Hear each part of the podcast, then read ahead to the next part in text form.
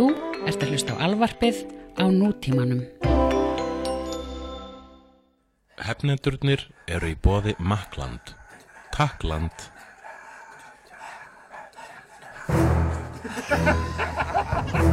Svona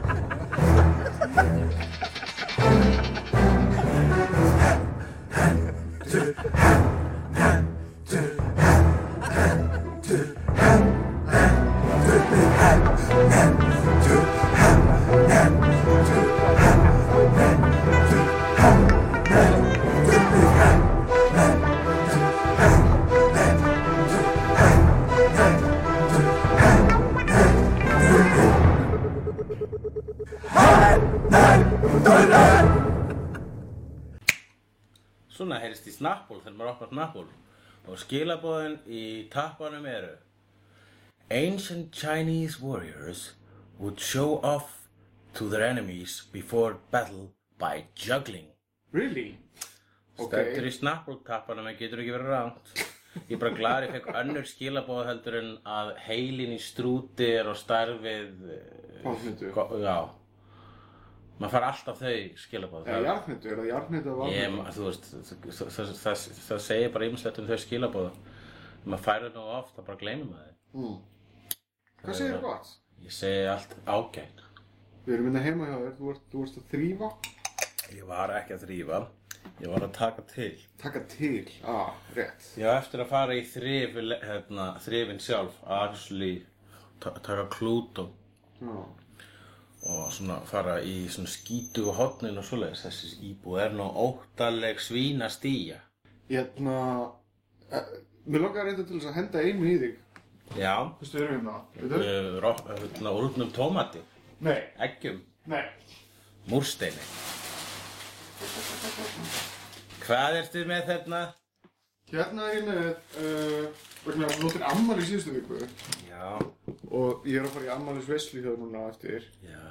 og ég, ekki, ég skil ekki fólk sem að, hérna, sem að, þú veist, fær pakka um ammalis veslu já. og opnar ekki pakkana strax, setur það okkur borð og býður þar í og slanga tíma. Ég skil það. Og það er allt bara til þess að hafa reglu á hlutunum vegna að ef maður opna pakkana þá, uh, hérna, það verður bara meiri kaos. Já, ég veit Það þægilega að gera það bara svona allt í einu daginn Já, eftir. en þarna ertu að hugsa út frá uh, gjaf þeganum. Já, en þú svo vilt, en, En- síðan, en síðan líka getur gefin sökkað og þá er úrslega andrið að opna fyrir framann svona, Já. sem ge- ge- gefandan. En borð með, þú veist, gjöfum, það, það býður bara upp á vínflöskur og eitthvað svona, þú veist, Nei. ópersónlegt. Nei, nei, hvort við býður upp á vínflösku, hvort svona. Já, þá, þá kaupir vínflöskur og þetta fyrir borðið og það er, þú, þú, Hvað, en það er ekki eins og hérna, þegar þú ert að sjá- kaupa gjöf, það er ekki eins og sért eitthvað svona, hm, hvort er hún á, á gjöfin opnuð á staðnum eða sett á borð? Vegna þess að ef hún er settur á borð þá ætlaði ég að kaupa vínflösku. Hver hugsa þannig? Engin. geti kannski verið einhver sem hugsaði Já, hvernig þú? En ef að maður er að kaupa gjöf, uh, þá, ég, ég vil alltaf sjá þau, þann sem ég er að gefa gjöfuna til. það. Opna gjöfuna. Það Ég- er verðlunin mín, sko. Já, það eru velurinn þín, þetta snýst alltaf þig. Hérna, Býtu, halló, ég er að gefa gjöf hérna. já, halló, ég er að gefa gjöf, að minnst sem getur, getur gert að opna hana. Getur þú gefið eitthvað tilbaka? Já, já, hann gaf svolítið tilbaka, hann bauðir í ammali sitt. Já, gefðu núna tilbaka. Jæja, hvað höfum við hér? Oh, ég held ég viti hvað þetta er og sást með skoðað í Nexus. Ég held að þetta sé Marvel plakatabók og það er rétt. Takka nú kærlega fyrir, kæri vinur. Og hérna, þetta eftir að koma sér vel. Ég ætla að vera ég hef með eitt hérna svona ma- plakat inn í vinnustofunni minni, eða bókasafninu, eins og við kalla það stundum. Mm. Það sem er plakat, sem á einu plakat eru fullt af Marvel kápum. Já. En hér er ég komið fullt af stökum Marvel plakatum sem eru klassískar Marvel kápur. Ég ætla að taka niður þetta stóra plakat og síðan skreita Með mitt með mörgum. Mm. Þú veist, hvað við með þarna? Við erum með uh, Hulk, krjúpandi þarna. Já, þetta er Hulk hérna eftir hann, já, á þetta sama á ból, þetta er eftir hann James DeRanco, þessi tekník. Já. Og hérna er uh, uh, Beta Ray Bill eftir Walter Simonson og hérna er Bob Layton kápan það var ekki Bob Layton Jú, Bob Layton sem að gerði hérna frægu dímonenna bottle kápu með honum Iron Man mm. Frank Miller kápa hérna Daredevil og að mér sýnist John Byrne kápa með X-Men þetta er bara the best of the best sko. Ég held að, held að það sé feitur pakki þarna. Það er 40 plakkut. 40 plagur ok, noksis náði ég plastinu þinn af heyrðu minn og ég gaf þér ekki neitt gaf ég þér ykkur afmæliskeið Nei, nei, það er alltaf. Það er betra að gefa en að þykja. já, ég fokkaði uh, já, já, já, já. Hérna þú veist uh, Days of Future Past kápan eftir Byrne sko. Já, já. Wolverine kápa eftir Miller. Uh, ja, Kirby X-Men kápa. Þetta er mikil snild þeir eru svona líka þeir eru svona Lammen eru... floppy Þarna er uh, uh, Thor vs. Silver Surfer. Hver er teiknað þetta? Mm, er þetta að segja til um það um, Er ekki eitthvað svona index? Þetta segir we're crazy. I don't care about that. Put your hand in my hand baby Don't ever look back. Já, þetta er aldrei fallið Þakka að kærlega fyrir þetta. Hér er ímislegt Hér... Sjáðu hérna Antmann búinn að koma sér fyrir á Örvar Oddi Ho- Hawkeyes Mhm. Þetta er náttúrulega frábært útvarp. Já, en þú verður núna að skipta um umræðinni Ég er svo Ertu á miðsmekkin í þetta? Já Já, ég veit ekki. Ég, ég, er svona pínliti núna að smjatta á því að hafa gefið þig gjöf og sjá þig, þú veist, opna Já, það af kátur. Nú er, það, nú er, það, er, er þessi, þetta er þessi þinn vímugjafi. Þetta þetta er pínliti með vímigjafi, sko. Já, Ég elska Dímonina Bottle kápuna sem er úr að horfa núna, þar sem að hann, mjög.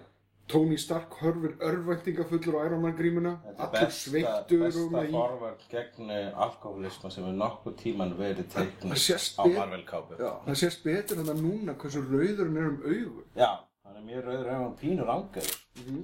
Ég myndi vera að horfa á hérna uh, Star Trek Next Generation og stundum með Worf eins og það sé alveg svona alvarlega rángaður. alveg sko ekki svona rángaður þar sem svona augasteinar færast saman eða í sitt hver áttina, heldur einn upp og haun niður, svona eins og hann sé ringlaður í teiknimi. Svona þýlegur. Já. Það er ógeðslega skrítið, mjög trublandi vegna þess að maður á að taka hann alvarlega, svona, eins alvarlega var hægt að taka hann Worf og hann sá karakter tekur sig alltaf mjög alvarlega og uh, já, og hann er bara svona rangur. Bæði vei, ég var að mynda að horfa á hérna, Star Trek Next Generation og kemur aftur hérna leikonan sem að hefur bæði leikið Vulkana og Klingona. Já, kemur aftur í Klingona hlutverki. Og ég hafði tilkynnt einu sinni uh, að uh, mér þótti Vulkan uh, hún sem Vulkan vera meira sexy heldur en hún sem Klingon. En í- hún er, var svolítið sexy sem Klingon í þessum þætti. Er þetta ekki bara sexy gæla, bara punktur? hún er bara að- skín eitthvað í gegn sko, þrá, skín, og, þetta, og þetta enni þú veist, það þarf mikið mikið þokka til þess að geta verið sexy og samt með klingona enni Mhm. -hmm. og hún var líka með svona svafiljós hár sko. hún, var, hún er alveg stórkoslega karakter og ógeðslega bara svona cool karakter þessi barsmóður hans og, það kemur einmitt að ljósa þess að þetta hún er barsmóður uh, uh, Worfs Ok. svo þau höfðu mög í þættinum þar sem þau uh, hittust fyrst Voru Svo eiginlega svona Star Trek barn, svona kling, strax að einu, einu kvöldi. þið höfðu klingonumög í hérna í uh, í, í holodekkinu. Já, en sko eftir að við erum búin að slást vegna þess að svona bara ofbeldi ofbeldi er forleikur klingonans. Uh, hérna það er það, sko, já en það var í staðar? ofbeldi er forleikur klingonans já, þetta er bara hræðilegt þegar þetta er, þetta er ritað. Þetta er, já. Jú, við náttúrulega skulum ekki dæma klingona alveg strax sko, En sem þetta er- þetta er bara þeirra Já, kúltúr. Já, þetta er bara þeirra, þetta er þeirra uh, brauð og smjör. Mhm. eh, Sko Það var held í þriðu þátturöð sem þau höfðu mögin Ok, og í fjóru þátturöð þá kemur hún með svonin sem er alveg orðin sko allavega fjögur ára þarna sko. Já. Þannig ég reyndi bara að hugsa svo, svo kannski þroskast klingunabönn hraðar já, það hljómar bara sennilegt í svona stríðskultúr þar sem að uh, rándýr, þú veist, þeir þeir eru fljótar einhvern veginn uh, að þroskast. Já, ég hugsa það, ég hugsa, það getur nefnilega myndi hafa, það er hægt að trúa því að milli uh, kynmaka og síðan þess að þáttar hafi liðið kannski tvö ár Já, í rauntíma og að tveggja ára klingast bad, það er kannski eins og fimm ára jarðarbad, sko, vegna þess að meit, þau, þurfa að byrja að slást bara, sko, Já. strax, strax og þau læra að slást áður en byrja að læra að tala, örgulega. ætli, ætli, ætli það sé fram með eitthvað ofbeldi á börnunum af foreldrina hálfu eða... Já, það fyrir eftir sko hvað er ofbeldi er svona, það er, er svona uh, línan, líkur miklu hærra hjá klingunum hvað er actually ofbeldi Mhm. eh, þú veist vegna þess að sumt, á- sumt sem að jarðarbóða myndu kalla ofbeldi það myndu klingunum bara kalla þú veist að klappa ykkur um á kollin eitthvað svoleiðis. Já. þetta er svolítið svipað með Íslandika og alkoholisma þú veist, þú þarf að vera miklu meiri alkoholisti á Íslandi til þess að vera actually, þú veist, það sem alkoholisti í til dæmis eitthvað staðar í mið, miðríkjum bandaríkjana eitthvað svoleiðis mm. eða segjum kannski hvað er betra Miðríki bandarækina er ekki held í góður Nei, það er ekki góð, það er alveg svona Emilu, you get back in before I smack your behind Já, já, og eiginlega Það er svona alkoholist eiginlega held ég að við ofmöndum svolítið alkoholnæsli Íslandinga vegna þess að Kanada. tölum saman Kanadabúa. Til dæmis Kanada, það þarf örgulega ekki að vera jafn mikið drikkjumenni til þess að vera alkoholisti eins og hér. Hér Ok. okay. þarftu að vera, hér er rock bottom miklu lægra. Það er bara sko lengst niður á sko ókönnuð Sá, sá botnar alveg svona ókönnuðum svæðum þar sem eru svona fiskar með svona ljós á haustnum og mjög skeri tennur. Já. Ég heyrði var það var Dóra nokkuð eitthvað, að segja eitthvað frá því að það er vandræðalegt í New York að verða fullur? Já, það er alltaf að vera skakkur já. en fullur, þegar þú fyrir eitthvað blackout actually, þá er bara fólk concerned. Að þú ert í risastóri borg og ég meina hérna, þegar maður fyrir blackout þá bara setur maður sig okkur á sjálfstýringu og lappar heim og bara þú veist, Já. ekkert mál. En þarna er bara, þú veist, það, er- það er miklu fleiri hættur á leiðinni heim Já. fullur í New York. Og þetta er líka í LA sko, þú ert ekki, þú ert ekki að fara hann fullur, fyrsta lagi það bara er, eru bara þú veist, heilu mílurnar á milli staða sko. Þetta eru, þú ætlar að fara í langt ferðalag, bara þú ætlar að fara eitthvert Mhm. í LA þannig að það er, bíla, það er bílaland og það er líka einmitt, það, hvers vegna að vera fullur þar sko. fara á næsta bar er bara eins og að fara á Selfoss já, fara næsta bara er eins og að fara að Selfoss við erum með hefnundunir Já, hvað er að gerast? Hvað er að gerast? um, hérna ég er með voðalega lítið hvað er að gerast.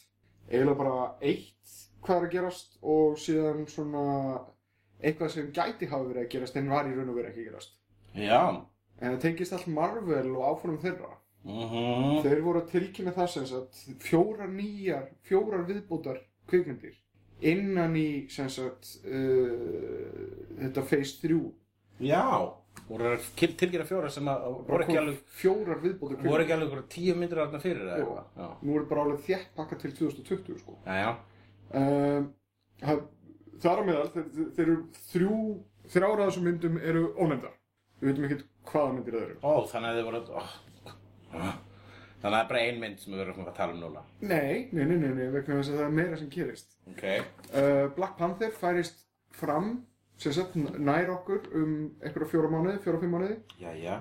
Og en Captain Marvel færist til 2019 færist aftur um oh, Hvað leikir þú Captain Marvel? já, ég veit það er- lengi þarf ég að býða Hvernig er á ég finga að fara að smíða? Já. Uh, en ok, uh, þeir eru samt að gefa okkur smá snuðþanga til og það er það að Ant-Man 2 hefur verið tilkynnt og hún heitir Ant-Man and the Wasp. Já, Alice með vel að Jæja Uh, kjálfara á þessu þá kom einhver orðkvittur um það að Inhumans hefur verið canceluð. um, Inhumans, já Ég bara, eh, veistu það, ég sem hefur verið reyndar reikið tilbaka. Já, ok, ég er bara Mér er alveg saman þess að Inhumans mynd sko. Þetta er sko hluti af þessu TV-plani með að tengja, þú veist, við erum að tala um þrjú, fjúr ár af Agents of S.H.I.E.L.D. sem markasherfært fyrir Inhumans. Inhumans hefur alltaf, það hafa verið skrifað mjög flotta sögur um Inhumans í Mar Marvel heimanum og það er rauninu svolítið skemmtilegt þetta er uh, Kirby sem að hann hefur Kirby er búið til nokkur svona guða pantheon og Inhumans er rauninni eitt af því sko -hmm. og, og, og málega er að þú veist það hefur alltaf en mér sko mér hefur alltaf ekki finnst vera þörf á Inhumans þegar ég er að lesa mitt Marvel vegna að ég hef X-Men þannig að sko bæði, bæði Inhumans og X-Men fjallar um svona útskúaða kynþætti Mhm. á jörðinni og svona kynþætti með ofurkrafta Já, en uh, nema Inhumans mér að þeir kjósa að vera út af fyrir sig. En uh, uh, mutantarnir vilja vera viðkendir og þá kýs ég frekar mutantara vegna að þeir tala meira til manns en málið við það að þú veist er það ekki bara vegna þú þekkir það betur Já, það.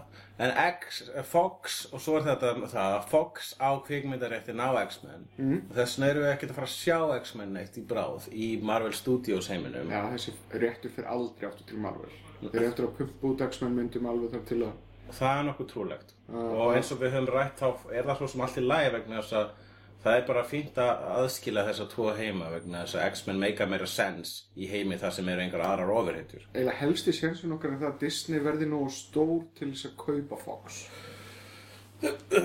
Já, það, það er náttúrulega getur allir gæst. Disney mun kaupa allan heiminn, Disney mun kaupa Kína að logum og þannig vinna, vinna bandaríkin. Mm. Bandaríkin mun að hætta að heita USA og heita USD. En, uh, sko, þannig að ég túlka alltaf, þú veist, Race Inhumans innan til mis Agents of S.H.I.E.L.D. sjóðsáttana og hvað þeir eru orðin ábyrjandi þar. Ég túlka það alltaf sem svar Marvel Studios við X-Men. Það er bara, ok, þá bara gerum við Inhumans að okkar X-Men. Já, Og það, það er líka svolítið að gerast í Marvel heiminu núna. Það er eitthvað svona fleiri og fleiri Inhumans. Það er verið stærri, þeir eru stærri innan þe- þess heims. ég bara, ég, ég Og- tek bara undir með, mér er sama Mér er svo rosalega sama minn Humans Já. En á sama tíma þá hugsaði með mér Guardians of the Galaxy, mér var alveg saman þá Alveg þangað til að myndin kom Það er flottir Inhumans til. Ég, það er sko, þetta er svona monarkía. Mm. Þannig að konungur og drottning í þessum heimi. Í, hérna, þann sem, í þessu Inhumans landi sem ég man eitthvað heitir Attilan, ef sluðis. Ég held að heitir Attilan. Og það er uh, The Black Bolt og Medusa. mm. Black Bolt er kongurinn hann er mjög heitlandi og svona náðast íkonist svona mythologist uh, superpower sem er það að hann er þögull öllum stundum vegna þess að ef hann segir svo mikið sem eitt lítið orð upphátt Já, og meira sem það segir að látt þá er það bara sprengikraftur á við kjarnökkusprengju þannig að hann getur bara sagt hæ og þá bara hrin, hrinja borgir. Sem er ótrúlegt. Þannig að maðurinn það bara alltaf að þegja sem að gefur hann hvílíka nærveru bara svona, ó nei. Þannig að Black Bolt er í herbygginu ég vona hann hóst ekki eða eitthvað. Og er Medusa það ekki fótinn í? Ég er ekki fótinn í bara á! Og svo bara svona fer sá hluti af heimsálunni uh, það er konan hans heitir Medusa. Hún er ekki mjög jafn sko, magnað power en hún er með ókvæslega fabulous power. Medusa er náttúrulega og af nafninu að dæmi getur þá álegt að powerið hafa eitthvað að gera með hárið hennar. Mm. Uh, mýþológíska medusa úr grískri goðafræði var með snáka í staðin fyrir hár. Þessi er ekki með snáka í staðin fyrir hár hún er bara með mjög mikið og fallegt rautt hár nema hárið hennar er hún getur hreift það sko Já. Það er svona hárið hennar er svolítið lifandi og hún getur notað hárið til að sækja þú veist, bolla upp í hillu og eitthvað Er það samt alveg hár? það er bara hár, já, það er bara svona eins og hár Hvað er hún getur eldur? kyrtið með hárinu sínu En hvað er eldur? hvað áttu við, eld Getur, þú, veist, þú getur brent hár, sko já Þú kveiknar auðvitað leiði í Já, ég hugsa að hún myndi bara færa hárið, hárið hennar er bara hluti af hennar útlimum, sko. Já Þannig að hún er með ekkert milljónir það er ekkert svona hausnum. ofurstyrt hár eða eitthvað svoleiðis eða, eða eld Ég hugsa hljóta að vera eitthvað stert eða eitthvað svo leiðis, já. Og ég menna ef það kemur eldur, annarkvort er það eldvarið, ég á eftir að Wikipedia það. Eða að bara ef ykkur reynir að kveiki í það, þá bara færi hárið sitt fljótt frá eins og bara, þú veist, ba barn sem forðast eldin. Hvernig fannst þið síðasta season of Agents of S.H.I.E.L.D.? Ég á nefnilega eftir að klára það. Ég, mér fannst það vera komið á góðan stað, en bara... Ég þurfti, ég þurfti, mjög, ég, þetta var vinna að klára það fannst mér Já, Ég er ekki Þið er svona að hylla super spenntur og ég gleym alltaf hvað er að gerast og sem margt að gera, þú kom alltaf nýju karakterar Mhm. þannig að ég fylgist alltaf bara með völdum karakterum og síðan eru allir einhvern veginn að þú veist svíkja hvern annan og, og, og, og það, það verðist vera sama sagan svo aftur og aftur þar. Einhver, einhver goes rogue og einhver, einhver er að vinna fyrir einhver skuggasamtök og bla bla bla bla bla. Já, ég vona að þetta finni einhvers konar farveg en farvegur að virðist bara vera þú veist, að það er alltaf veist, það er bara svona stanslust törmóil í þessum heimi. En reyndar ástæðan Það fyrir er bara því fínt samt að það er eitthvað hjá Marvel sem að finnst ekkit spes. Já. en ástæðan fyrir því að allir eru rosalega svona spennti fyrir þessari samsæðiskenningu með, jötna, með Inhumans var að þeir lítu það á það sem svo að Kevin Feige og hérna, Perlmutter gæinn mm. þetta væri bara fyrsta byrjunin í svona Civil War innan Marvel Og hvað er, já ok en, uh, hvað er Feige sem vill ekki in, Inhumans?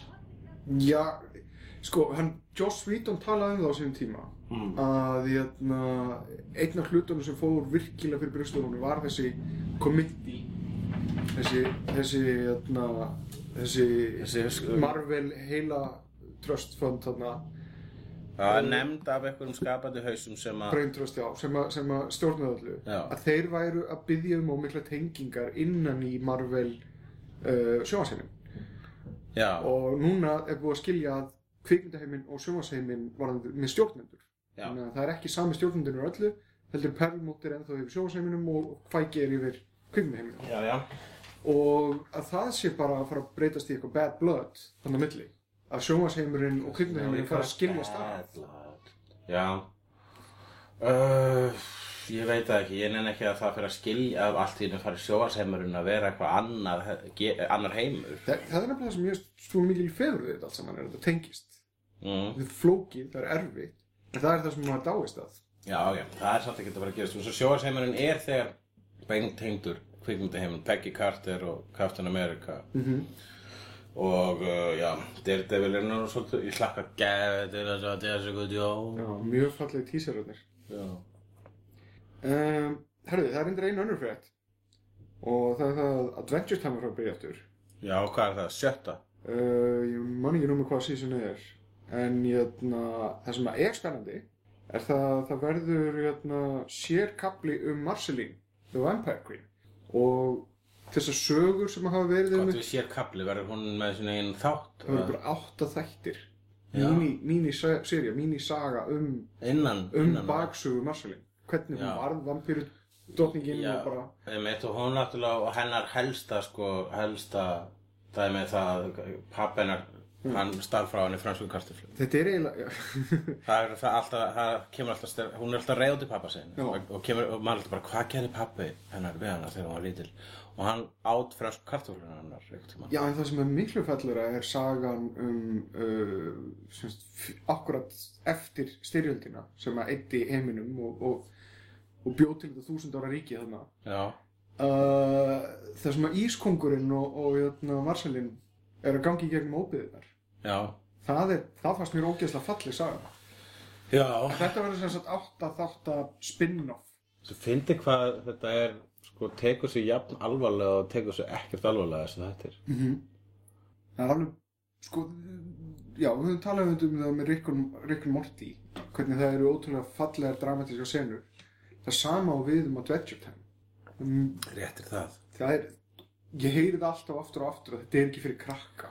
Ég, þetta er samt fyrir krakka og hérna, og það er bara komin heldur, sko, er komin einhver ný, ein, sko, s- s- öld cynisismans, eða cynisismin er í ákveðinu lægð núna, hvað var það reymislegt. Og maður sér þetta einmitt í þáttum eins og Rick and Morty og Adventure Time að sko, Rick and Morty er vissulega með, með myrkan húmor en það er ekkert cynical við þá, þeir eru fullkomlega einlægir. Já, og uh, mér finnst það vera sko, það er, ég held líka unga fólki í dag, kynnslóðinu fyrir neðan okkur, það er einmitt, það er sko, maður stundum með eitthvað, maður er að eiga samskipti við unga fólki, þá tekur maður eftir því að það er mjög mikil innlægni í gangi, alltaf hjá skemmtilegur ungu fólkum ekki skemmtilega okkur fólk. Já, leðilega unga fólki er náttúrulega hundlega eins og bara fólk ég, ég eiginlega allar, allir aldurshópar eiga eitt sameiginlegt og það er annarkvæmt skemmtilegt eða fíbl Það eru til börn sem eru fíbl og þetta eru börn sem eru frábær sko.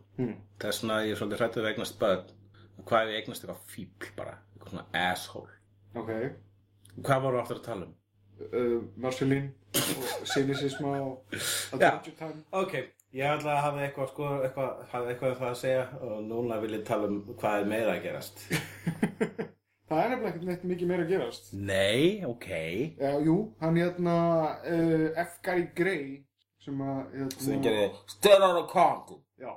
hann er að fara að leikstýra Furious 8 Já, ok, sure, frábært. Ég, ég fannst, sko, straight out of Compton, það er allir að missa vatnið í þessari mynd. Já, Ég finnst það bara alltaf lægi og fín, en ekkit eitthvað geðveik. Hún var bara mjög svipuð öllum svona uh, biopics um tólestamenn. nú hefur þú áhuga á svona sögu fyrir og þekkir hana kannski ágætlega Ég þekkt hana, ég þekki hana betur núna, það er best að þess að myndi hvað hann er fræðandi.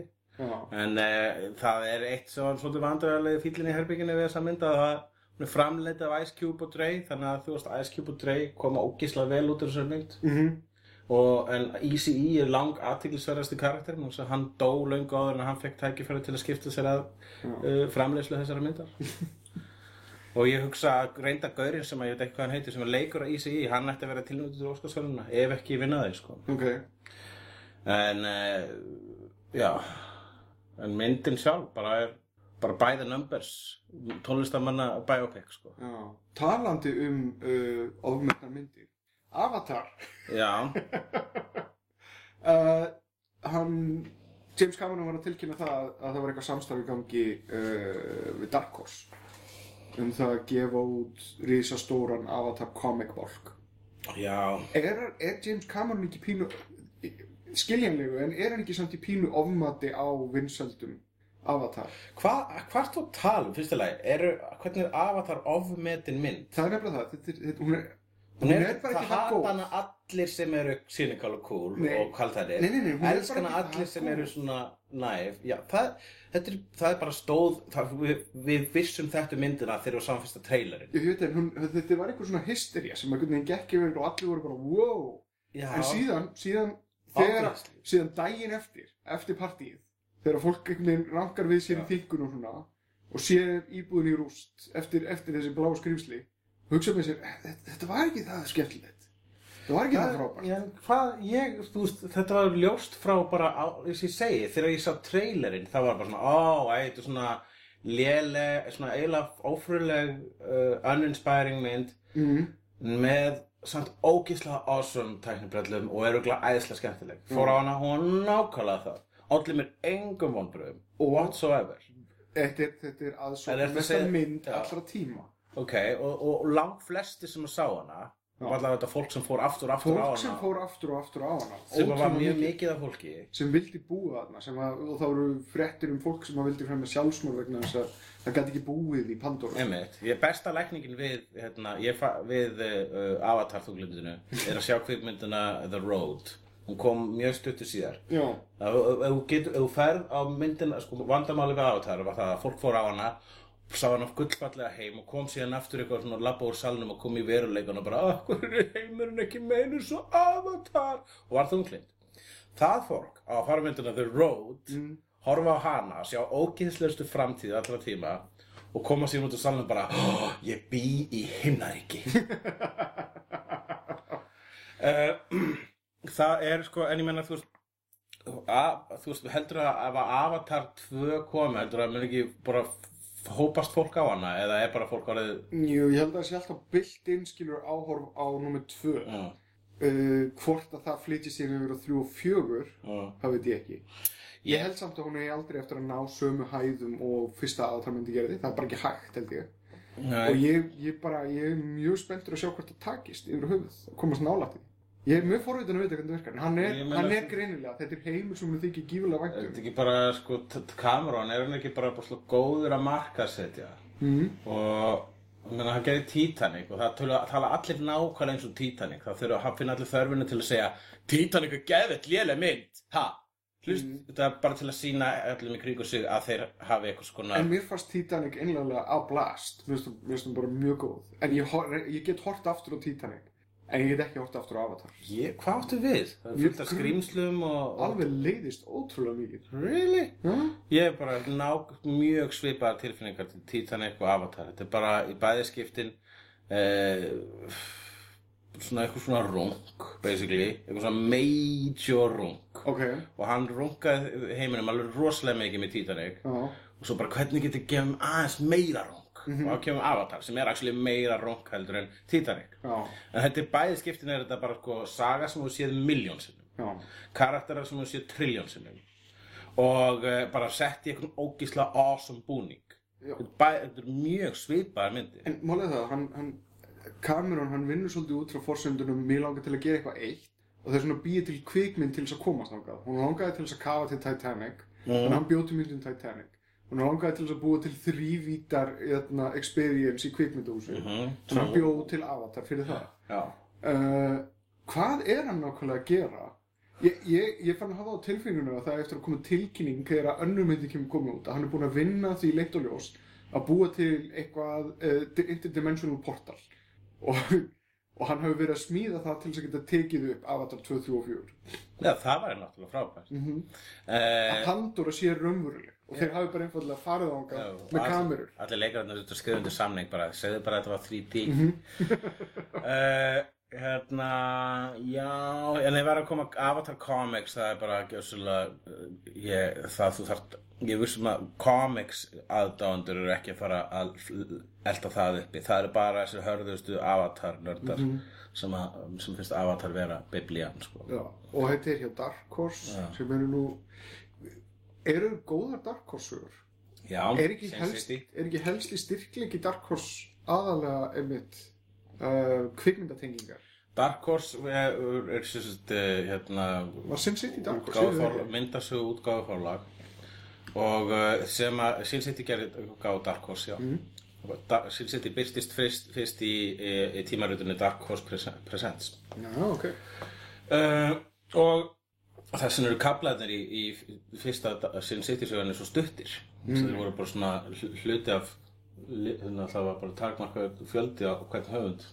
Í því batteríi en uh, góðar sögur frá Dark Horse. Já, hérna Hellboy.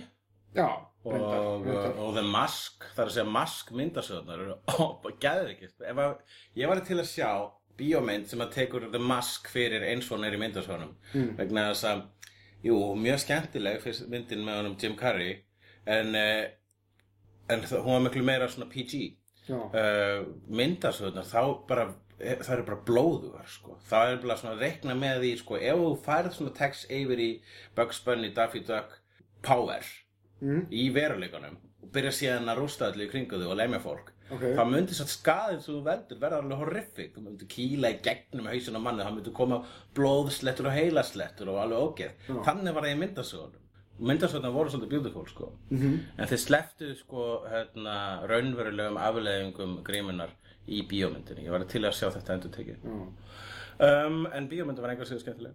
Ég þarf reyndar að draga í land með þetta, það er alveg tonn og góðu, veist, Dark Horse stemning. flott. Dark Horse ge- gerði sin eigin ofurreit í heim sem að slagorðið hjá Dark Horse var The World's Best Comics. The World's Greatest Comics held ég.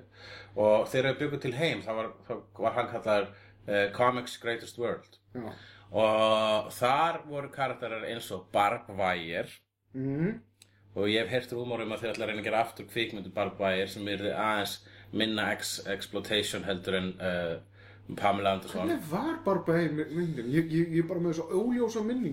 Já, vegna þess að þú varst bara að horfa á au- au- augun Nei, það er vegna þess svona léleg. Uh, hérna, já, Var ekki, ég meina, hún, Pamela Anderson var að detti í haspinn þá. Nei, var, var, þetta var toppi, þetta var á toppi hennar ferils. Hún var, Ok. hún var hátindi ferilsins, eins og maður segir frekar. Ég held að þessi er ekki alveg þar. Ég held að Jú. þessi eitthvað aðeins eftir. Hátindur fyrir það sem hún var, fólk að mest að taka eftir mér var Baywatch og Playboy. Þetta er eftir það. Var það ekki bara með- Tommy Lee myndbættu frekar? Var það ekki hápundur? Flesti sáu það. Já, vissulega.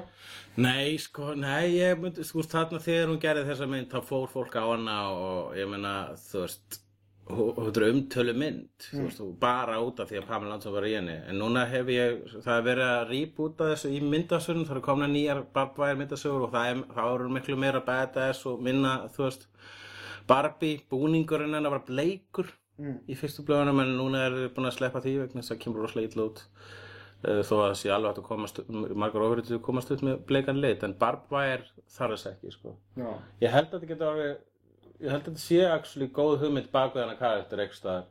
En uh, bíómyndin er aðteklisverð að því leiti að svipað og uh, hérna, Fast and the Furious 1 stál sögutræðinum úr Point Break sem er bæði við að vera að endurgera núna algjörlega að basically Fast and the Furious var búin að endurgera Point Break fyrir löngu. parkour oh, og hérna en þá var það sko uh, Barbwire stál sögutræðinum úr Casablanca. Og svissaði bara kynjahlutur honum ok. Og uh, það væri gaman að hafa double feature video og horfa á Casablanca og Barbwire saman. Mm. Ég er spennt fyrir því. Og svo var annar karakter í þessum heimi sem heitir Ghost sem var kona sem var bara draugur. Já, og, en var með tvær byssur og svona, sem bara var svona, voru physical sko. Ok. Þannig að hún var bara svona skjóta fólk en var samt draugur. Gat hún gengið í gegnum veggi? já, hann var með svona einu Og var- en byssurnar, gat þar farið í gegnum veggi? ég man það ekki, ég læst þetta ekki nógu vel. En ég man allavega að Hellboy og uh, hérna, Hellboy og Ghost voru ekkert um hann að berast saman í einhverju special blæði Já. Uh, hvað var meira þarna?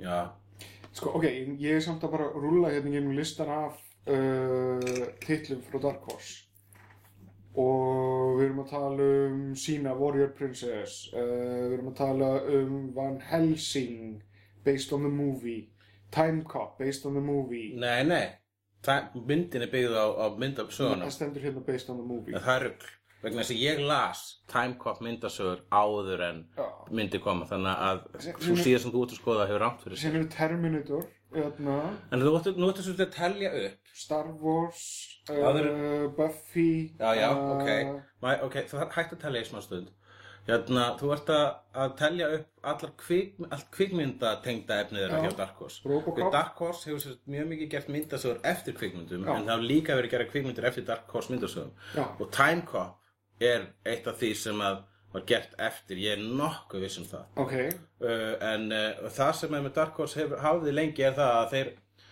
þeir hafðu uh, gátið gert myndasögur byggðar á kvikmyndum kvikmyndakarakterum. Vegna þess að apparently ek- ekkert annað forlag hafði áhuga á því en núna er fyrir stuttu síðan misti Dark Horse til Star Wars réttin sem komin auðvitað til Marvel vegna þess að Marvel er eigu Disney sem var líka Star Wars. Mhm. en uh, það voru heldur fínar þessar Robocop og Terminator sögur sumar sko. Já það svo Rob- sérstaklega Robocop vs. Terminator sem að hann Frank Miller skrifaði og Walt Simonson teiknaði það var svolítið awesome stuff and Time Cop was a story in the anthology comic Dark Horse Comics and a two-issue comic book adaptation of the eponymous uh, film published along with the film's release in September 1984. ég las nefnilega þetta uh, þessa smásögu, þessa litlu þarna í Já, en, Dark Horse en, Comics. En ég meina, last hann ekki, þú veist, á Íslandi og myndin kom út setna á Íslandi. Næ, ég man nefnilega að ég var búinn að ég er, sko, annarkvort er ég eitthvað að ruggla en mér finnst þetta eins og þegar Time Cop kom þá var ég bara, já, þetta er þarna sagan sem ég las í Dark Horse Mm. Samt kemur myndin út á sama tíma og, og, og sagan. kannski er þetta svona eins og Kick-Ass Mm. að, uh, og þetta gerist líka við líka við Extraordinary Gentlemen þeir byrjuðu að framleiða myndina áður en myndin sem kom út en þeir bara heyrðu af henni, giftu réttin Mm. En já, það er, veist, það er alveg allt morandi mitt í svona Predator, Planet of the Apes uh, Já, þeir gerðu, þeir, Dark Horse var fyrstu til að gera Aliens vs. Predator já.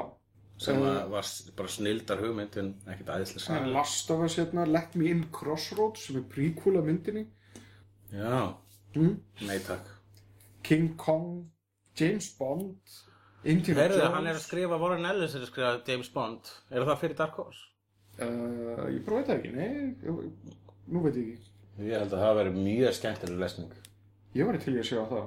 Nei, þetta er 92 til 95 Já, já, ok, en við erum byrjað þetta í bara upptalningu upptalningu Já, Já, satt, satt, sattu það. En já, já, já, já ef að fara í á hvað ertu að glápa eða eitthvað? Já. Ok, Á hvað ertu að glápa? sjáum við til Bam, bam, ég á að vera með punta hér, punta hér, elsku vinnu minn.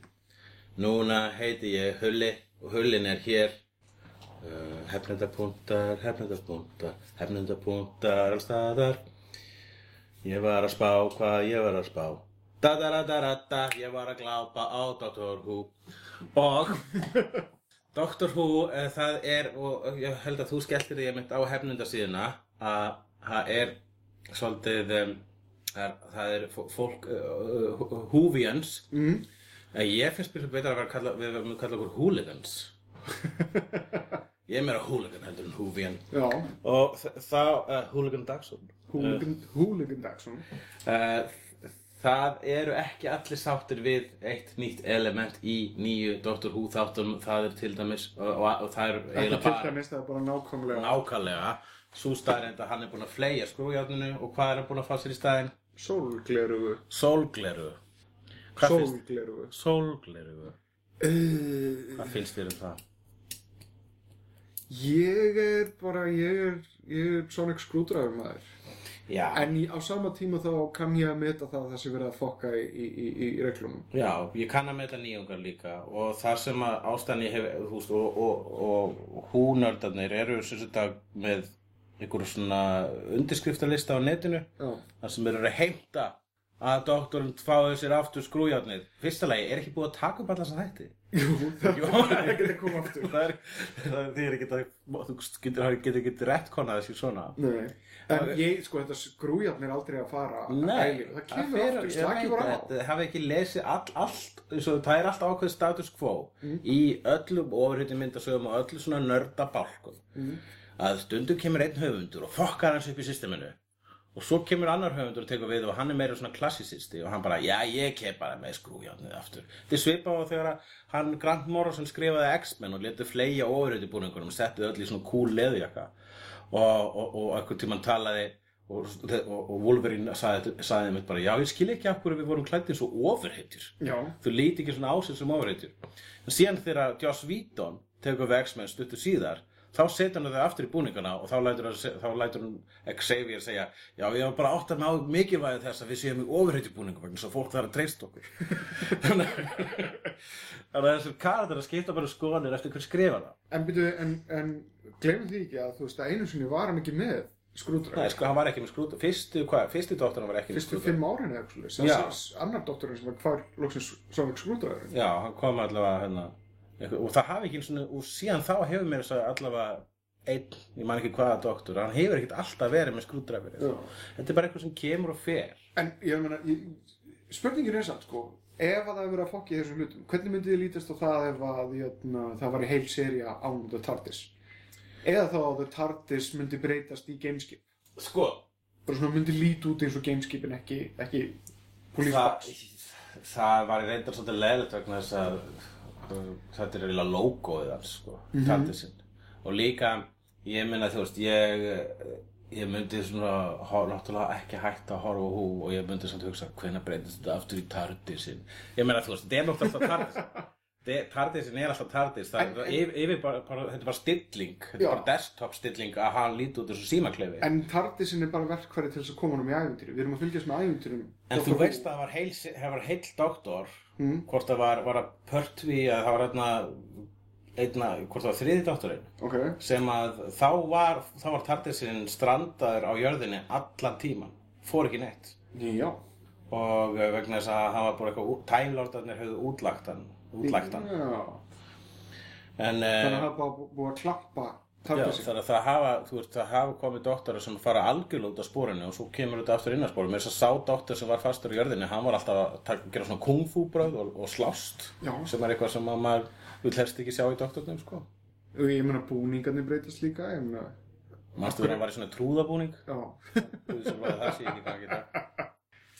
En ég veit það ekki, ég, eins og ég segi, ég, ég er hrifin af Sonic Screwdriver. Já. Mér, mér finnst hann svona, hann er geislasverð, hú, hú.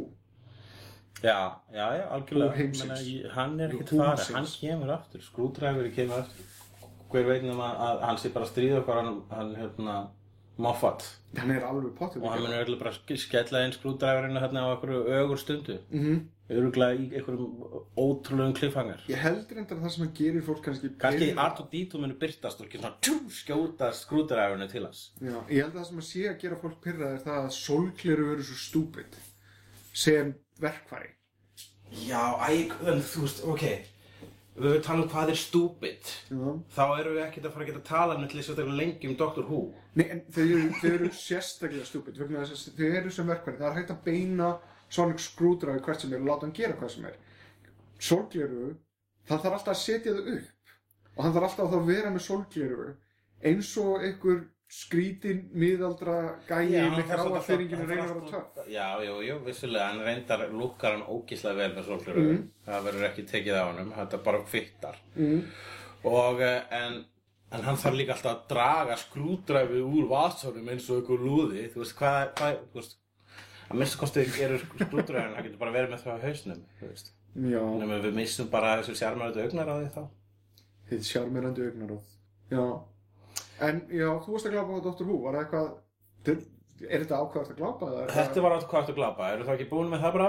Nei, Ok, hvað varst þú með? uh, sko, ég veit ekki hvað er að verða af mér vegna þess að ég er fyrir að horfa meira drast Það er ekkert nýtt Nei, ég veit það, en ég, Þú, ég, þú hefur, ég, er- er sæki af- drast Það er eitt af þeim ákvörðunum sem þú hefur tekið að bara svona að eyða hluta af þinni æfi að horfa á Já. og ég gera það líka en það verður þá allavega að vera skemmtilegt drast Já, og ég horfði á drast sem að reyndi síðan skemmtilegt drast sem er samt alveg hatað. Jæja? uh, Ég horfði á Pixels. Já. Og sorry með mig en, en já, þetta er Adam Sandler mynd já, hún er mjög stjúpid mm. En sorry með mig, mér, mér fannst bara gaman. Ég- frekar, frekar svona, svona einföld og sniðu mynd. Ég fyrst að við ættum að gera Adam Sandler aðeins af málumni dagsins. Aha, Já. Ok, förum þangað. Málefni dagsins. En fyrst auðlýsingar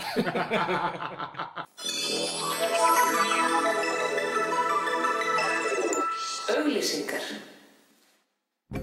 uh, Nei, ég er ekki með mér auðlýsingar Þetta meina höfðing Uh, já, ég um, Jú, ég get sagt Hei, já, uh, auðlýsingar Nú er þessi auðlýsing að djókain uppistandið sem að ég flutti fyrir tveimur árum sem ég tók upp og, og átt að vonast til að myndu koma út á DFD eða væri allavega niðurhalanlegt af netinu eða aðgengilegt allavega fyrir uh, Íslendinga. Það er loksins á orðið aðgengilegt fyrir Íslendinga og þið bara fara á YouTube og það er okkipis þannig að bara gjöra svo vel. Og Já og Makland er frábær búð þar eru símar og tölfur og snúrur og headphonear og líka stundum svona dót sem eftir að setja utan á síma svona hulstur. Hull, hull, hullahulstur Hullu, hull, hulstrin, ég veit ekki hvort það sé til þar í augnablikinu en þið voru allavega einhvern tímann til þar. En hulstrin er sjálfsög til á dagsor.com þar sem hægt er að kaupa ímsar vörur uh, og, og uh, smiðju dagsons það eru meðal bóli og bolla og sokka og bækur og plakött og hulstur og uh, spilastokka og litla svona sa samfelli fyrir unga börn og uh, ískápasegla og bakpoka. Og, og líka nýja línan frá Helikopter Dagson by Helikopter. Er nú fáanleg á dagson.com og á uh, í kiosk búðinni hennar Helikopter. uh, það er reyndar held ég að svo stöndi bara fyrsta flíkin er komin á markaðin það er einhver gaurpeysan ólega en það eru tveir kjólar uh, handa uh, dömunum handa dömunum Já, Já, handa dömunum á leiðinni bara dömunum Þú hver sem er í kjól Vissulega, ég reyna, ég var ekki að reyna að segja neitt, þú veist, að ekki dömur, ba bara dömur getur farið kjóla. Hva, hvað hef ég gert? Getur, við síðan sagt eitthvað um Kenneth Mána vegna þess að hann er Já, Kenneth Það er eina Máni. sem ég er að plugga Kenneth Máni, eh, besti einleikur á landinu, er ennþá skiljanlega síndur í borgarleikursinu vegna þess að þetta er awesome, awesome dót. Eftir ævar, eftir ævar okkar. Ok.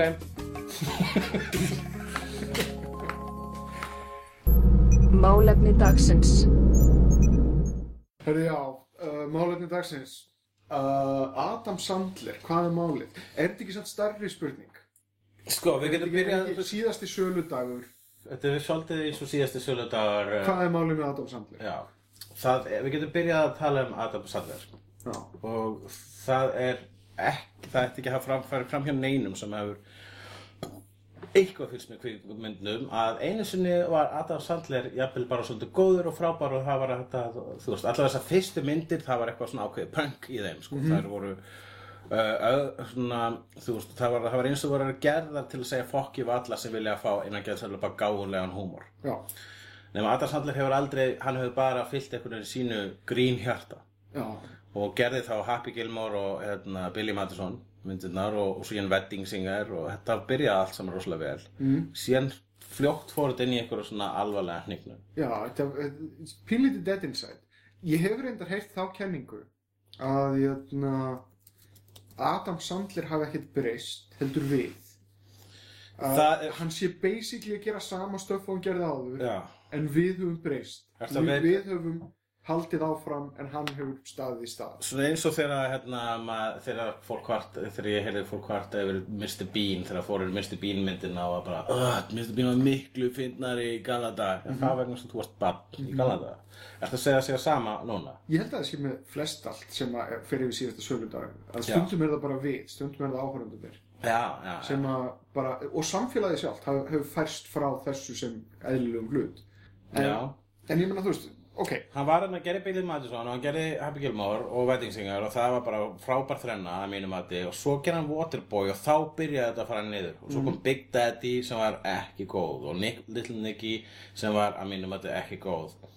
Punch Drunk Love kom síðan vegna þess að það er alltaf leikstjórat nútir sem sjá snildin í Adam Sandler. Og, þá, og, og Paul Thomas Anderson gerir Pun- Punch Drunk Love og hún er æðisleg. Já, En svoleiðis sko reynslur virðast ekkit hafa henni áhrif á Adam Sandler þess að hann fyrir síðan bara strax í að gera After Drust eins og Mr. Deeds og uh, Anger Management fannst mér alltaf allt í læri endar en svo kemur, já, svo 51st Date en síðan kemur einmitt annar svona bjargvættur sem að heiti James L. Brooks og gerir myndina Spanglish með Adam Sandler og það er fínasta James L. Brooks mynd og fíla James L. Brooks myndir og hann var að græða alveg tonna pening núna með því að gera Hotel Transylvania 2 Já, já, ég vissum að það séu skemmtilega myndir. Það er enda Gendi Tar Tartakovski Ég veit að það er ekki, það er nefnilega ekki Happy Madison framleiðslu fyrirtæki sem gerir þær myndir. Happy Madison framleiðslu fyrirtæki er bara svona, hei, gerum það er bara hann að fá vini sína afsöku til að hanga með vini sínum á setti og það er gaman hjá þeim. Og þetta er mjög skýrt sérstaklega í myndunum uh, Grown Ups og Grown Ups 2 Já. þar sem að það er myndir augljóslega gerðar. Bara svo hann getur hangið með uppáhalds grínasta vinnu sínum. Ég veit til mist bara getur ef getur ekki verið sammála um það allavega að Kevin James hann væri ekki í kvikmyndum í dag ef ekki væri fyrir Adam Sandler. Nei, ekki. er enginn þetta í hug að gera heilu bíómyndina með honum. Nema að þessar myndir frá Happy Madison þar hala inn eins og motherfucker. Paul Blart Mall Cop 2 það er hópast á hana. Já. vegna þess að það er the lowest common denominator. Þetta er bara myndir fyrir múgin sko, ef við ætlum að svo í hljómi eins og elitisti En- sem en sí- er í þessu en tilviki síðan detta inn einhverja svona ákveðura myndir sem að ættu á pappir að vera frekar umulegar en reyna síðan að vera bara svolítið hjartnæmar og, og, og, og, og, og góðar eins og klikk. Láttu ekki ég er ekki að jóka ég horfði á klikk. Ertu klikk? Og ég, ég táraðist Þú hefur verið að- að koma niður alvarlegu reyndar. tequila fyllir í sko. sko, ég sá þess að sömu mynd í bíó og Mm. þetta var bara svona sko, það sem átti að vera drama í lokin það var bara hlægilegt þetta var bara svona, mér varst það vandræðilega slæmmynd Þú varst ekki bróf sinnikall hefur horfður á hana ok, við, við getum þá bara að fara út í það að ef maður fílar ekki e- einhverja myndi þá er maður bara á sinikal eða varst þú ekki bara of næf? Nei, suma myndir eru bara objective slæmar. Eins og, eins og til að mynda þarna eins og, uh, hvað hann aftur þarna? Uh, Ups 2 mm. og uh, er Jack and Jill. Já. Jack and Jill er hróðaleg hróðaleg mynd. Ég á eftir að sjá hana. Mér langar til að sjá hana. Hún, hún er mynd sem enginn á að sjá. Ég las grein á henni ágætu grín, svona, grín fréttasíðu Splitsider. Mhm. Það er dálkur þar sem heitir Unpopular Opinions. Ok. Og þá var verið að verja Adam Sandler. Já. Og segja að hann er dásanlegur uh, þegar þú slekkur algjörlega á heilarnu þínum, sko. Ef þú vilt bara sjá eitthvað sem er algjörlega stúpid á slekkur á því Ég endar, ég ætla að horfa aftur á, jötna, á uh, You Don't Mess With The Soul Hand, bráðlega. Já, Og ástæðan fyrir því er það að ég horfa á hana bíó, mér fannst hún skemmtileg. Auðvitað voru Adam Sandler augnablikarnir sem að hefði alveg mátt sleppa. disco, disco En á heimbóin, ég fíl hana. Og ég fíl hana vegna þess að hún er að hluta til heimildamynd. Um Já.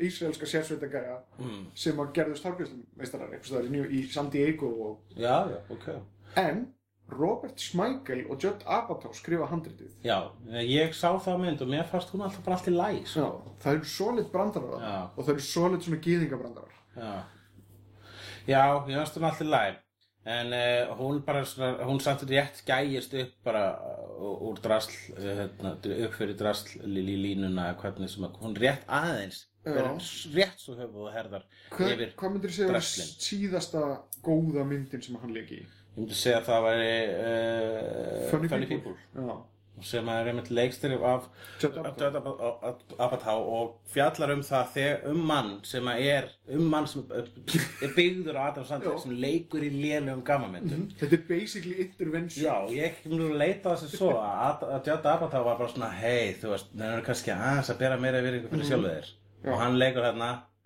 en nema mál- málið er það að hér er það sem að gerir hann Adam Sandler ennþá sjálfverandi í dag. Mm. það er það að honum er drullu sama. Mm.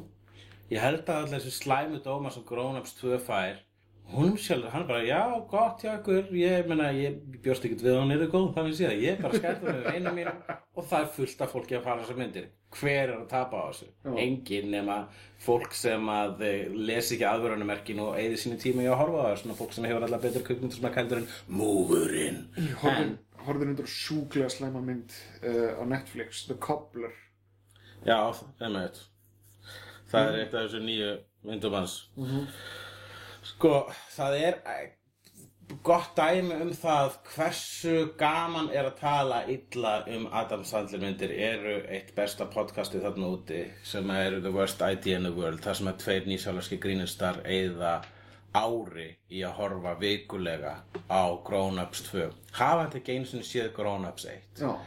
og þá einmitt bara poppa um, þú veist, þess að þú þurft að pæla í sömu myndina aftur og aftur og aftur. Þá hérna poppa upp ímsa kenningur, einmitt eru þeir búin að koma með þessa kenningu að það sé, þetta sé raunin, það er raunin bara eitthvað svona zen í gangi með Adam Sandler. -hmm. hann er ekkert að reyna að þóknast neinum. Hann er bara að gera það sem honum finnst skemmtilegt og hann kemst upp með það. Kvikmyndafyrirtæki græði pening uh, vittlisingarnir sem fíla myndina fíla myndina. Er hann kannski... og svo er bara gaman að tala illum þær þegar maður fílar þær ekki. Það er enginn tapar það Hvað ef Adam Sandler er á svona sama career trajectory og Mel Brooks? já og hvað er svona slæmt við það? Mel Brooks fara ennþá motherfucking virðingu. Já, ég veit það, það, það, það kom tímabil þar sem hann bara, ah, Mel Brooks, alltaf að fýblast eitthvað. já Mel Brooks er er alltaf að fílast eitthvað sem bara samfélagið bara einfallega taldi hann á leik. já en það er alltaf fólk sem fíla Mel Brooks og það er fólki sem eru kannski á sama aldru og Mel Brooks sem eldist með hann Já, og hugsaðu um það, það kemur eitthvað augnablík. Mm. Ef hann heldur áfram að gera þetta, að Jack and Jill verður talin vannmyndin snild. Í hvað er hvað, Ég gefur þessu 10-15 Já, ár. akkurat, og þá getum við farið það sko að hérna um, vegna þess að þegar maður er cynikal þá hefur maður stund dotti í það að segja að spaukstúan var miklu fyndnari í Kanada. En uh, málið það spaukstúan hefur rúglega, hún hefur sko vegna þess að húmórið það afstæður það er svona í raunin ekki að segja að spaukstúan hafa aldrei hægt að vera fyndin. Já. vegna þess að fóreldrar mínir hlæja ennþá rosalega mikið yfir sem finnst þú fyndið. Og meðan þú hefur þinn áháranda hóp sem að fíla þig þá ertu ekki hægt að vera fyndin og þess vegna hætti Mel Brooks í rauninni aldrei að vera fyndin jafnaldur hans held áfram að hlæja af Dracula Dead and Loving It. En síðan þú sér og síðan bara er ekki annað þú veist, hér, og síðan þú sér sko bæði Adam Sandler og sér hann í viðtölum ef hann mætir í, í spjallætti ógisla fyndin, drullsjarmerandi mm -hmm. virðist vera awesome uh, Ég, ég, ég, held held hann sé ekkert að leggja neina ást í þessu bíómyndir sína. Ég held hann sé bara, ok, núna förum við félagarnir og, og skemmtum okkur einhver staðar á, á, á að eyða tveimur, þreimur mánuðum fullir einhver staðar, Playing leika the smá. game Playing the game og þannig er líka með, þú veist, maður sér Mel Brooks í viðtölum, hann er hann eldgamall en þú bara getur ekki annað en að elska hann mann Ég elska Mel Brooks. hann er Það- ógeðslega þetta- sérmennandi í, í viðtölum Alveg bestu svona longform viðtölin, hlusta til dæmis á Mel Brooks viðtalið af Nerdist. já, Bara ógeðslega gott það. það er aðeinslegt Hann er, hann er þrjúsu klár. Hann er líka maðurinn sem að framleiti fílamannin. já, akkurat hann hefur gert ímislegt Hver, hvað er fílamaðurinn hans, Adam Sandler? Eða er hann ekki komin ennþá? hann hefur, ég held að Adam Sandler framleiti ekki hérna, avantgardmyndina sem hann legi í það er að segja Punch Drunk Love og, og, og Rain Over Me? Rain Over Me, já, það er hans fílamaður Nei, hann leik í henni. um, ég hérna Kannski er hann að lauma pening til Paul Thomas Anderson on the side. Ég, já, já. Hérna, sko, það er eitt, ég las einu svona grein í Empire Magazine um eitthvað sem að eh, greinar höfundur ákvað að kalla Murphy's Law. Og, og þá var Murphy sá sem að law, lawið er byggt á er Eddie nokkur Murphy. Já. og, hér er, og þá verður að vera hann að tala um það hvort að það sé raun bara óumflýjanlegt fyrir grínista du jour um að detta í meðalmennsku pakka. Já. Og núna til og vegna þess að það var það sem kom fyrir Eddie Murphy hann var einu sinni hráastur mm. hann var einu sinni beittastur og núna bara er að bóka ef þú sér Eddie Murphy mynd að hún sé drasl Já. jafnvel meira drasl heldur um að það sandli myndir sko. Þetta kom líka uh, fyrir uh, Steve Martin sem var einu sinni aðal og svo ertu allt í að horfa á Cheaper by the Dozen 2 Já. uh, og er Will Ferrell að detti hann að pakka? Ég held að hann sé hættulega nála því. Já, hann, Hann samt heldur sér ferskur með því að gera svona random hluti on the side. Já, ég, þegar Will Ferrell, gerir hluti eins og uh, Casa de mi Padre eða hvað sem hann hétt, svona skrýtnar furðu konceptmyndir. Ef hann heldur áfram að gera svoleiðis þá er ég sáttur. Já, og þessi TV-movie sem var alveg fullkomlega alvarlega gerð Já, með Kristen Wiig.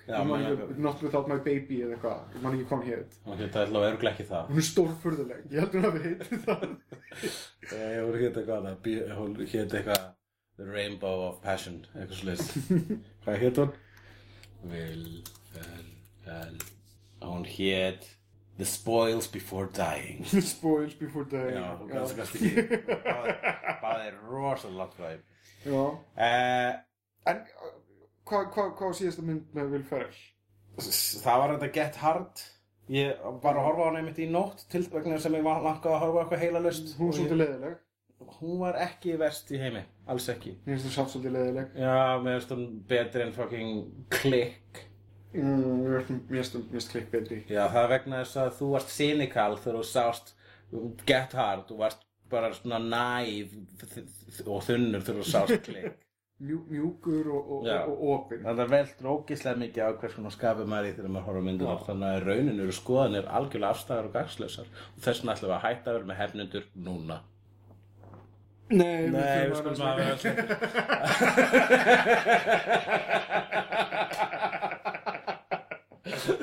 Þetta er ekki alveg nóðlangt Hérna, en sko e, þá fyrir við út í þetta dæmi sko. ef þetta er óumflýjanlegt fyrir grínistá og grínistan sem er hva- þú veist, alltaf sá sem er grínasti sem aðal að hans óumflýjanlegu örlög er að verða ófundin og, úreldur mm. hvað gera menn þá?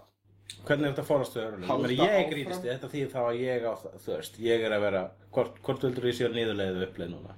Ég veit það ekki. Ó, ó, það gæti verið þú sért bara jafn í siglingu. Þú veist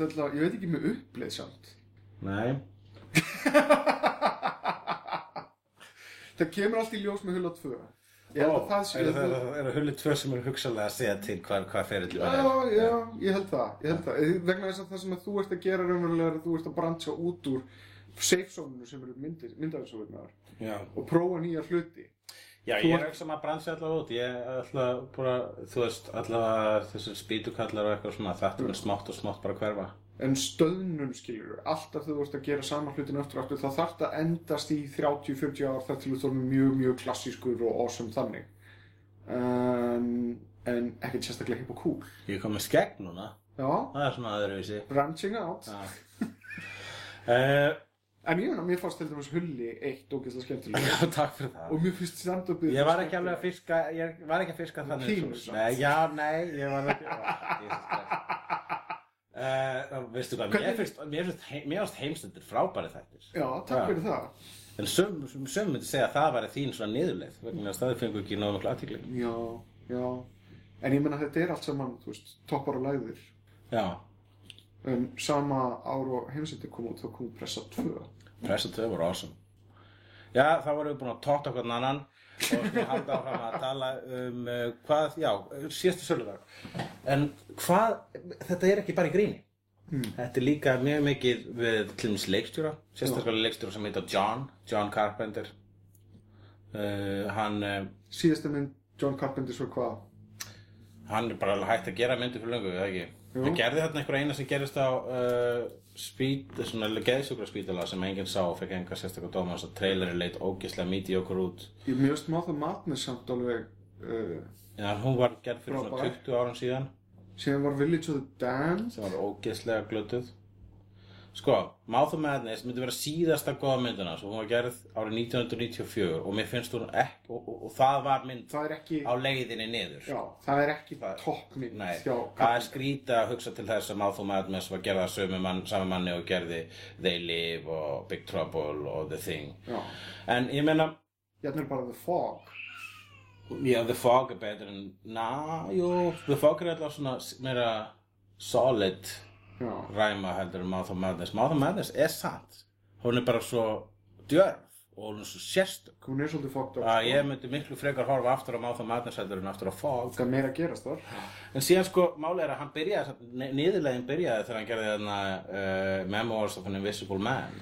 Ég horfði aftur á þá mynd. Mm. Það er ekki Carpenter mynd. Hann, það, hún er sérstaklega ekki Carpenter mynd vegna þess að hann merti sér hann ekki. Nei. Hann var nokkurn veginn bara stúdíokontraktaði þar, var að vinna fyrir Chevy Chase. Það var alls konar, uh, já, það var alls konar bug og hann slíkt í því. En hann, þetta er ekki John Carpenter mynd. Já. Þannig að ég, ég myndi alls ekki, alls ekki flokka hana þar inni. Þetta er eiginlega bara svona vinna sér inn fyrir sömurhúsinu. Já, það er satt aldrei gott að þú ferð þá leið sérstaklega þú ert ykkur ótör þar sem að aðdóðinu þín eru að reyða að sjá næsta John Carpenter snild að þú færi bara að búa til einhverja, verksmiðu framleiðslu og þeir bara, ó, ertu komin í þann pakka? Já. En ok, við erum að tala um, og svo er annar John eins og John Badham sem að var einu svolítið svona leikstjóri sem maður uh, regnaði með að við, við, út. við erum ekki búin að klára John Carpenter hérna, Já, þess að það kemur hérna Village of the Damned, Escape from LA, Vampires, Ghosts of Mars, Já, allt lélegt hvað er The Ward? Ég hef ekki séð Það er þessi geðsjúkla hælismynd sem ég er að tala um. Rétt, rétt, rétt, rétt. Já, ég er ekki búin að sjá hana. Sko, John Badham, hann gerði War Games og hann gerði Short Circuit og Stakeout Mm. og Bird on a Wire og með þess að The Hard Way sem að mér minnur var allt í lagi svona Buddy Cop mynd með uh, hérna uh, James Woods og, og Marty McFly Já. Shit, ég man eftir að hafa séð henni í bíó.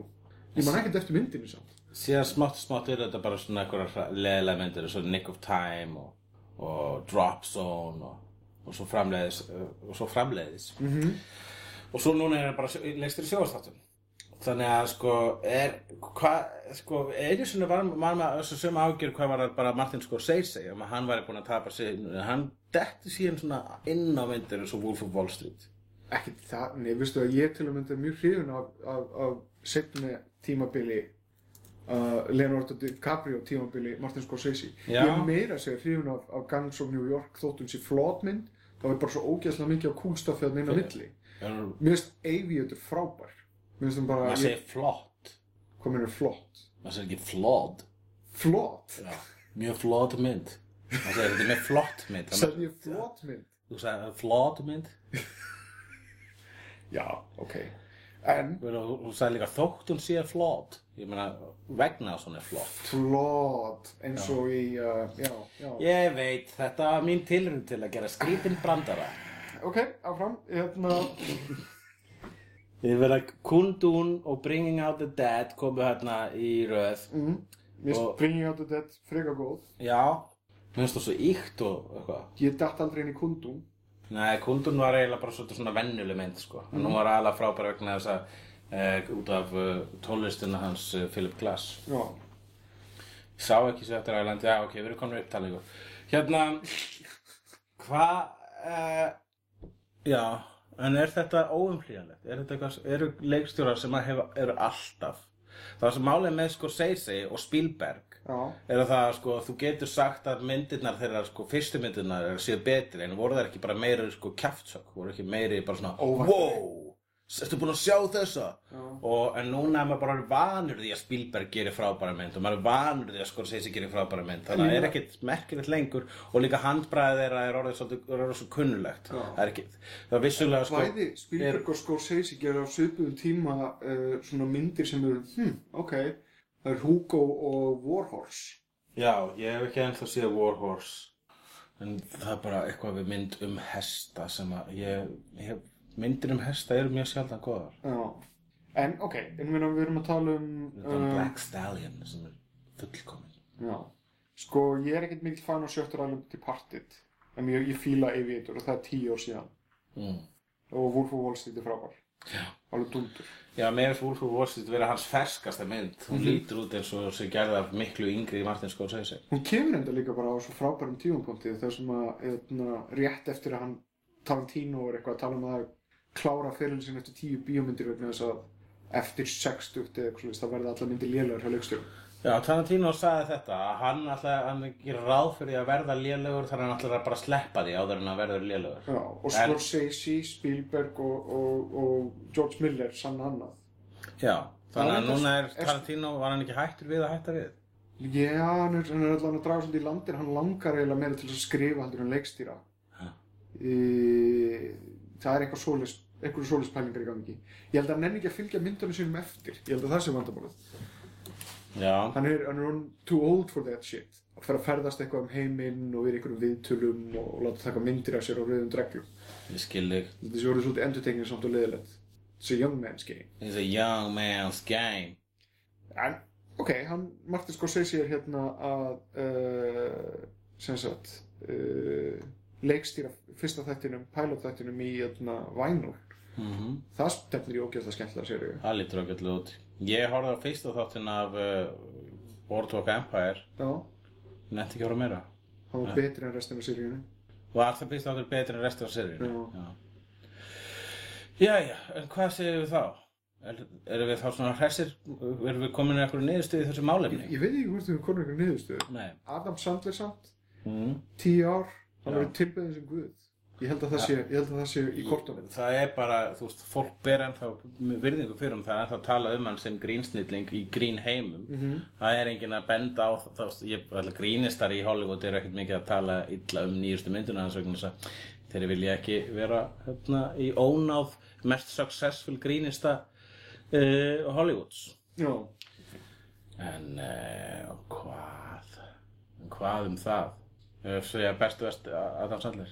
Já, Best og vest. uh, best og vest Adam Sandler. Uh, bestur auðveld, ég myndi ok, það er kannski það er uh, Sirius Sandler og uh, Fyndi Sandler. Ég meina, nei, við skulum bara hafa best og vest Sandler. Þú- nei, nei, nei, nei, vegna þess að ég, ég get nefnt ég get nefnt Fyndna Sandler uppáhaldsmyndina og ég get nefnt uh, Sirius Sandler. Mitt uppál Sandler er bæði fyndið og serious og það er funny people. Já, það er besta, það er alltaf besta uh, En uh, versta Sandler sem ég nokkuð til maður séð. Wow, where to pick? Jack and Jill? Ég hef ekki séð Jack and Jill og ég held að hún sé svo slæm að ég myndi actually finnast hún enjoyable. Hún er á listanum mínu með yfir hörmulega myndir sem ég ætla að sjá. Ég heldur endur að þú getur lifa alveg góðu lífi án þess að sjá það Nei, nei, nei, blessaði vestu, ég ætla að sjá hana maður. Eins og ég segi, þú varst að tala um drasli á það já, Ég, ef ég ætla að á drasl, þá verður það að vera phenomenal drasl og allt bendur til þess að Jack and Jill sé alveg bara storkoslega mikið drasl. ok En leiðin, þú veist það þarf að vera bara leiðilegt og þá uh, myndi ég, sko, mér fannst eiginlega bara Big Daddy, hún var ógeðslega leiðileg. ok, Man enginn eftir þeirri mynd og það er líka vegna að hún var svo ógeðslega leiðileg. það er samt alveg early Sandler sko Já, já. Hún var, hún var eiginlega svona fyrstu merkin um það að hann gerir, getur verið leiðilegur. Ég, hefði reyndar sagt Grown Ups 2 alveg fram að jötna, Worst Idea. Já, Worst Idea of All Time gerði Ups 2 að einhverju meiru í manns hjarta. Hún er orðin eitthvað og mér eitthvað finnst það langt í frá, mér finnst hún ekki leðilegasta myndina Ég horfði hana aftur eh, og ég skemmti mér að við að horfa hana á öðru leveli heldur en, heldur en ég hefði gert ef ég horfði hana á plain Já, sem er mjög skrítin upplifun En ég veit það ekki. Um, ég Jack and Jill, ég get ekki, ég get ekki, hvers vegna talandum leikara sem einhvern veginn dvindlar smátt og smátt. Al Pacino og, og, hérna, Og Robert De Niro já, hva, hva, hvers vegna? Hvað, sko, hvað er svona hræðilegt við það að þeir skildi bara vera að leika einhverjum með venjulegum romantísku gafmyndum? Ég, fyrsta leið, hvað, sko, ok, Robert De Niro, frábær leikari, Mhm.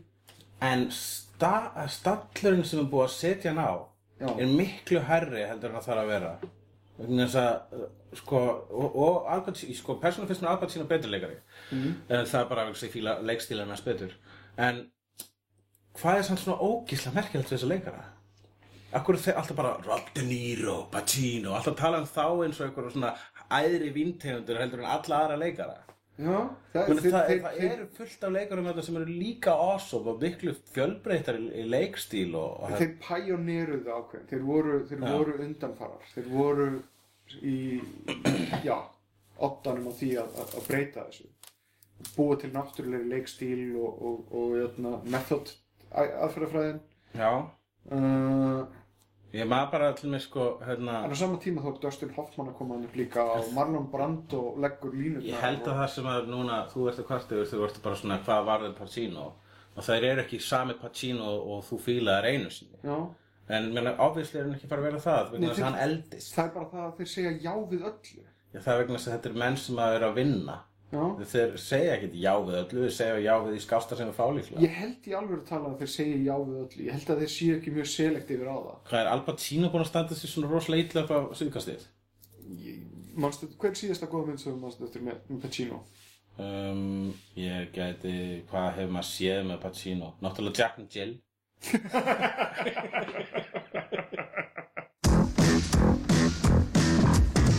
Ógnar fjör má alltaf sjá. Í Reykjavík. Á landinu um loftin blá. Líka á sænum. Hættur og háski. Látur og gáski. Hefnendur Í Reykjavík. Hefnendur Í ævintýrum